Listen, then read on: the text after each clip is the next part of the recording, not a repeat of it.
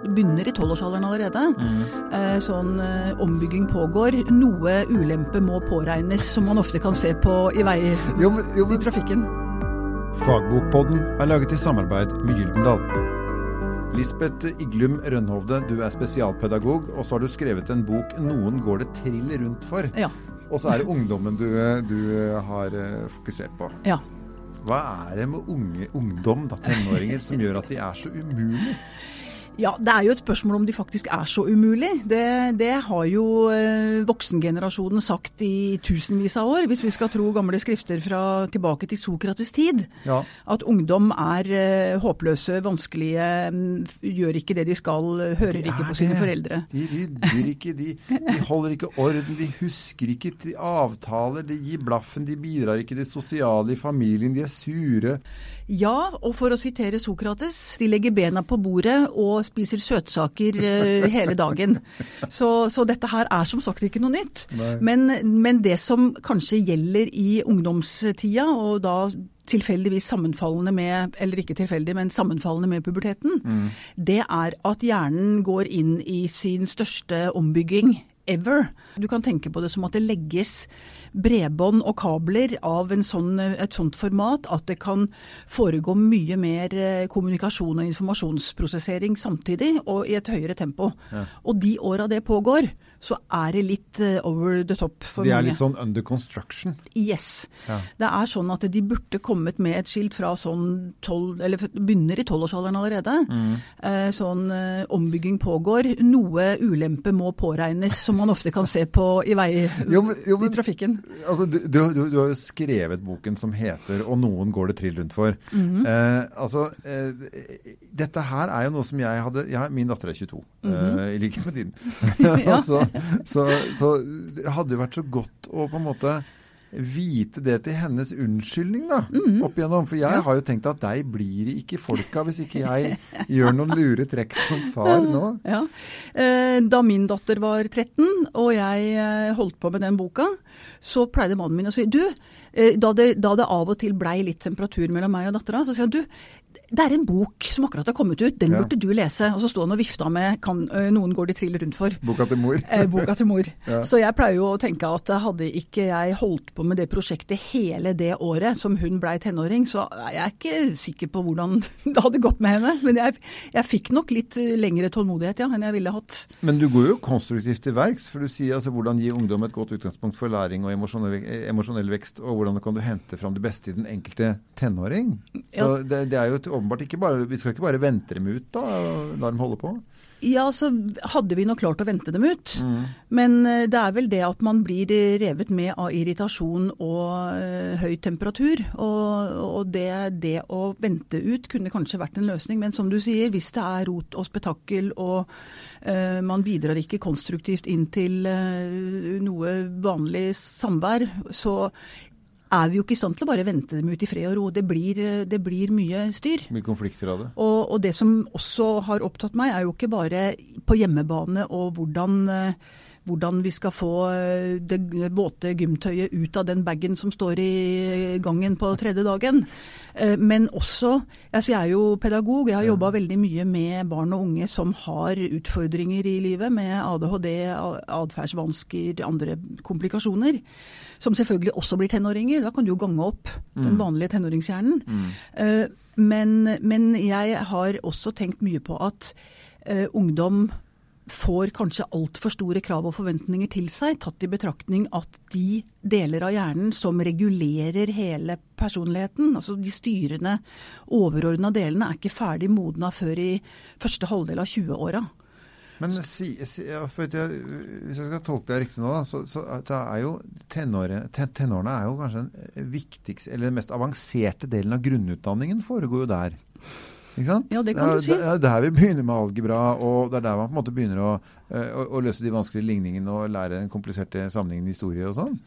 Eh, er vi treffer vi feil, eller? Eh, akkurat på de rent faglige tingene, det er nok eh, tima og tilrettelagt sånn noenlunde. I hvert fall sånn at man treffer eh, hovedtyngden av aldersgruppa. Det er jo alltid ytterkantene som enten kjeder livet av seg fordi det er for enkelt, eller de som faller fra fordi det blir for komplisert. Men, eh, men det er når livet blir eh, sammensatt, og det er mange ulike krav og, og ja, forhold man må forholde seg til samtidig, som, ja. som denne hjernen under ombygging ikke er spesielt god på. Og hjerneforskerne som har jobba med dette, altså de fikk jo plutselig en, et, et ny æra når vi fikk sånn billeddiagnostikk. Sånn eh, MR og, mm, Hvor de kunne se hvor ja, funksjonell MR og sånne ting. For altså. da kunne man plutselig se den levende hjernen i aktivitet. Mm. Tidligere var man jo henvist til uh, å forholde seg til døde hjerner eller, eller ja, Eh, og, og, dermed så hadde man ikke helt klart for seg hvor i hjernen er det aktivitet i ulike settinger. Er det lik aktivitet hos voksne og hos ungdommer eller hos yngre barn? Så har man jo funnet at her er det jo faktisk forskjeller. Hvor gamle er vi igjen når det begynner å roe seg ned? Du sa ja, først når 20-åra. Ja, da er frontallapsfunksjonene ferdig modna. Men eh, det alle forskerne, eller det forskerne, forskerne sier, er jo at eh, den mest Eh, omfattende ombyggingsperioden, som dermed fører til mest ulempe, både for eh, den som eier hjernen og eh, de som er rundt, det er de første tenårene. Og det er jo da sammenfallende med ungdomsskolen. Ja. Og det er klart at ungdomsskolen har vel de utfordringene både du og jeg husker fra den tiden, de har vel ikke akkurat blitt enklere med åra. Nei, jeg husker det var ganske gøy òg. Men det var ja, ja. veldig sånn Alt var stressende. Alt fra stemmen til kvisene til usikkerheten til skråsikkerheten til alt, egentlig. Men da vi var ungdommer ungdommer så var vel begrepet CV var vel ikke noe vi hadde Nei. fryktelig nært forhold til. Men det virker jo på meg som om de fleste ungdommer i dag har et aktivt forhold til hva, mm. hva som er lurt for CV-en sin. Og, så, og, det er jo annen forskning som viser at uh, ungdom i dag er jo så utrolig mye skikkeligere og så mye mer ordentlige og har så mye mer ja. framtidsperspektiv. Når vi ser de, de den store gruppa. De gjør ikke noe gærent lenger. Sånn, altså, altså, jo, men vi sprengte postkasser, gikk på epleslang og, eh, og, og plagde egentlig naboene ganske mye. Jeg har ikke blitt plaget av noen, jeg. Jeg var gammel gubbe i nabolaget, jeg nå. Ja, ikke sant. Ja, ja. Men alle de kjekke, greie ungdommene også gjorde kanskje sånn da i, i gamle dager, da vi ja. var unge. Mens det nå er bare en mer marginalisert gruppe som, som gjør det. Men, men, det vi i hvert fall kan være sikre på, er at innsida av hjernen til dagens tenåringer, uansett hvor skikkelig det er og hvor mye de jobber for femmer og seksere og CV og hva det er for noe, innsida av hjernen med de følelsene av å komme til kort og ikke være kul nok og tro at alle andre er så kule, og eh, bekymring for framtida og hva det enn er, den er Altså alt det emosjonelle og den manglende oversikten, den er identisk med med hvordan vi husker det fra vår tid, og kanskje våre foreldre og de uh, generasjonene bakover. For hjerneevolusjon det er ikke noe som Det går ikke i samme tempo som sosiale mediers utvikling. Det er ikke IT-utvikling? Nepp. Nei, der må vi vente litt. Ja. Uh, du snakker også om å få ungdom som, uh, som trøbler til å få ut mer av sin, sitt positive potensial. Det høres jo litt som foreldreoppgave ut. ikke sant? Klarer liksom å sortere litt, da? Uh... Ja, det er jo både en foreldre- og en skoleoppgave. De tilbringer jo store deler av tiden i skolen. og jeg, altså jeg er fryktelig opptatt av at man er nødt til Skal man i det hele tatt jeg, altså jeg, jo, jeg støtter meg til Søren Kirkegård på det. at Skal man i det hele tatt få noen videre i utvikling, så må man treffe vedkommende hjemme. Okay. Og begynne der. Der de er. Ja. ja. Men hva er det beste tipset, da? Du, okay, du, for det, jeg tror mange foreldre, og lærere sikkert òg, eh, oppfatter at, liksom at, det er så uendelig langt da, fram til et unge menneske. Det virker som det unge mennesket ikke er til stede, er ikke på samme frekvens, liksom. Er, eh, hvordan, hvordan, hvordan, får du kobla deg på? Ja, altså jeg, jeg, tror jo egentlig at det er um, bare gradsforskjeller. Og det er, kanskje gradsforskjellene går mest på størrelsen på sko, joggeskoa og og ellers eh, den etter hvert litt dype stemmen eller eh, graden av maskara. Altså sånne ytre ting. Mm. Men at det, det, lille barnet ditt er jo der inne. Ja. Eh, og ungdommen Selv om det begynner å bli stor og bøllete, så, så, så, bor det en liten tass ja, jeg, er, jeg er overbevist om at jo mer bøllete eller udregelig man kan oppføre seg, jo mer egentlig trenger man å bli møtt og forstått. Mm. Som den lille sårbare man er på innsida. Mm. Og Det gjelder jo vanlige ungdommer, og det gjelder de som har store utfordringer og som møter verden med en dyp rynke i panna. Det er ofte Altså selvfølelse er et ord jeg er innmari opptatt av. Og det å, det å støtte opp om den sårbare selvfølelsen Det er jo ingen alder hvor det å skille seg ut er så livsfarlig som akkurat i, i de første tenårene. Og alle går rundt med en kul mine og prøver å skjule sin egen utilstrekkelighet og tror at alle de andre er så kule. Ja. Og som mamma eller pappa så kommer du jo ingen vei hvis du sier til den der uh, ungdommen som ikke kommer seg ut av badespeilet pga. en kvise i nakken eller et eller annet som er feil. Ja. Ja, men du er jo så ålreit. Ja, du er den døveste i verden. Ja, nemlig. Det er det du er da. Uh, og så tror du at alle de andre er så himla kule. Og det at du sier at ja, men du vet du, de andre har det på samme måten, og da skjønner du ingenting. ikke sant? og et eller annet sted på veien så, så, skjer det noe med akkurat det der. Ja, hva som skjer da? Nei, altså gradvis så Altså det er jo en, det er jo en prosess. Det ja. er jo en utvikling og en modning som pågår. Uh, og akkurat i tenårsalder Jeg hørte en uh, psykologspesialist uh, som holdt et fantastisk foredrag for en tid tilbake, som sa det at tenåringshjernen er som en Ferrari med sykkelbremser. Ja. Altså det er fra 0 til 100 på rimelig kjapp varsel. Men derimot å regulere og styre dette og ta det ned riktig, det, der skorter det litt. Det er, kraft uten kontroll? Oh yeah. Mm. Og det er, den, det er vel kanskje der eh, foreldre og lærere eh, er nødt til å jobbe på en klok måte. For det er jo også sånn at eh, det lille barnet som trenger hjelp, ber om hjelp på ulike måter, kan også være gjennom eh, et atferdsmønster som ikke er ålreit, men vi skjønner at det ligger noe bak. Eh, og vi kan være mer direkte, mens ungdommen vil helst ikke altså Er du forelder til en 14-åring, så skal du helst ikke synes. Uh, og skal, det er greit at Nei, Men du skal ikke være borte heller? Nei, det skal du ikke. men du skal være den der litt diskré i bakgrunnen. Og, ja. Og, um, når man må hjelpe ungdommen å ta ned alle ballene som er oppe i lufta samtidig, så, så bør man jo gjøre det på en så diskré og smart måte at ungdommen faktisk opplever mm. at dette fikser jeg sjøl. Det å, å bygge selvfølelse og det å bistå ungdommen i å ikke tape ansikt, som er det mest forferdelige man kan gjøre, det tror jeg er to sånne trådtrekkingsfunksjoner som man som voksen kan ha.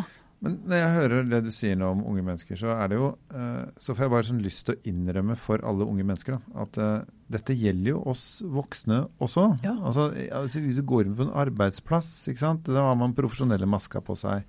Uh, og så sier vi at det er naturlig. Men vi er andre mennesker på jobben enn vi er hjemme, f.eks. Mm. Og, og det, noen skjønner ikke hvorfor den kan være sammen med den, og så hadde de kommet hjem til dem, så hadde de skjønt det med en gang. altså, vi er jo ulike mennesker òg. Vi vil jo prestere, tilpasse oss. Vi er jo et flokkdyr. Mm. Som, så, så, hvor er på en måte den grensen mellom hva som er sunt og bra med det? Og hva som er liksom blir for mye for en stakkar på 14? Sunt og bra med Å tilpasse seg å være flokkdyret? Ja, men de, de, det å, å, blende inn i flokken er jo kanskje det viktigste. Samtidig mm. som du Nei, jeg tror akkurat i den alderen så Men det er ikke noe kult hvis du mister deg sjæl på veien? Liksom. Nei, nei. Men, eh, men det, er, det, det, er, vel en del av den prosessen som, eh, som gjør det vanskelig, og som gjør at det er, jeg vet ikke, er det en 15-20% i våre dager som sliter psykisk? Mm. I henhold, eller ifølge nyere undersøkelser og ung, ungdomsundersøkelser som går med jevne mellomrom. Og, og, det er klart at det å, å streve med å finne seg sjæl, og kanskje miste seg sjøl mens man driver med det, det, det, det, er jo der mange trenger hjelp. Uh, og, og, og, kanskje det er der kravene i dag til alle de, fra alle kanter uh, og på alle arenaer uh, som man skal prestere. At jeg har jo tenkt at ja, men tenåringshjerne er det samme. Det var krav i gamle dager også. Men, men, det er et annet trøkk med sosiale medier, med et jobbmarked som er mye mer pressa. Altså, alle de tingene man kan, kan eh, bekymre seg over, da og kanskje føle at man ikke når opp på. Mm. Akkurat nå i seinere tid. For jeg pleier å si at ja, men i, gamle, i riktig gamle dager, så, ja, ja, da jeg var veldig ung, så var jo sånn man kunne være enig, man kunne stå på krava sammen på forskjellige arenaer. Man, man, kunne gå i tog mot Vietnamkrigen mm. osv. Mm. Ungdom i dag har ingenting, men i de siste det siste året kanskje bare, så har jo klima kommet som en sånn virkelig kampesak mm. med da eh, å streike for klimatet osv. Nå er det jo en debatt om hvorvidt det skal være gyldig fravær på skolen osv. Ikke sant? Det, det nører jo bare opp under den rettferdige harmen og den gruppe Vi er en gruppe som har noe å slåss for, som jeg Mm. tror kanskje er bra for Og kanskje særlig i ungdomsalder, før man blir eh, litt sånn gammel og desillusjonert som oss to. gammel Gamle skjær i har, vi- har vi hatt en generasjon som på en måte uh, har hatt for lite store ting å kjempe for å fokusere på? Det er jeg Altså, du nevner Vietnamkrigen, ikke sant? Og så har du f.eks. Uh, kvinnekamp, likestilling. eh, vi kan gå til arbeidstid, like lønn. eh, store, viktige eh, etter hvert eh, sånn, sånne milepæler i demokratiene våre som vi har slåss for. Det har kanskje vært noen tiår hvor det har vært færre sånne samlende saker. Og det jo, blir jo også en del av den de modern, modernitetens problem. Altså det, blir, det, det, blir så, det blir fragmentert i mange småting at du får ikke den, får ikke den der store eh, alt, eller den derre fellessaken som kanskje klimaet er blitt nå, da. Ja, for Hvis Eh, alle unge, alle unge mennesker er, har, har Ferrariens kraft, liksom Mm, ja, det har de jo. eh, Og, og, og så ikke, ikke noe som er relevant å bruke det på heller, Ja.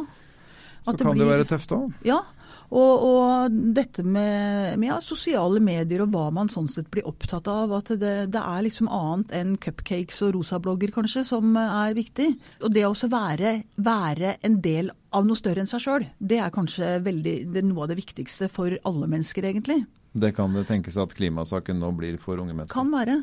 Og, og um, ja, men samtidig så er jo dette med tenåringshjernens modning og utvikling, det er jo en prosess som sagt, som begynner i slutten av, begynner vel kanskje i midten av barneskolen, og, og går sin gang gjennom eh, ungdomsskolen. Begynner å bli litt mer eh, fokus i midten av videregående kanskje. Og videregående har jo også det at da har man jo allerede begynt å snevre seg inn mot Ja. ting man er interessert i, og treffer andre med samme interesser. Ja, eller begynner å finne ut at man tok feil i hva man var interessert i. Ja, det òg. Ansvar for egne valg, og du er 16 år. Det er ikke så lett. Nei, det, det har jeg også skrevet om i boka. At det, Og det er noe av det jeg tenker på når jeg mener at eh, det å ha ansvar for Dette begrepet ansvar for egen læring, som jo eh, selvsagt den kloke lærer ikke tar bokstavelig. Man, man kan begynne med små drypp av ansvar som er aldersrelevante. aldersrelevante. Men det betyr ikke at du har ansvaret for eh, selvstudium. Og på samme måten dette med, med at man kan stemme, at man kan ta lappen, at man har, skal foreta valg, yrkesvalg osv. Det er jo ganske store ting, og det virker på meg som om dagens ungdom er mer opptatt av hvilke valg de tar og av framtida, enn jeg kan huske at vi var i, i sin tid. Altså. Det var sånn Å ja, nei, men kanskje jeg skal begynne med det? Ja. Det var ikke den der smarte, gjennomtenkte langtids... Det var sikkert noen av de òg, men eh, selv om jeg var blant flinke elever, så kan ikke jeg si at jeg husker den linja der. Kanskje ungdommen er bedre nå enn før? Spørs det.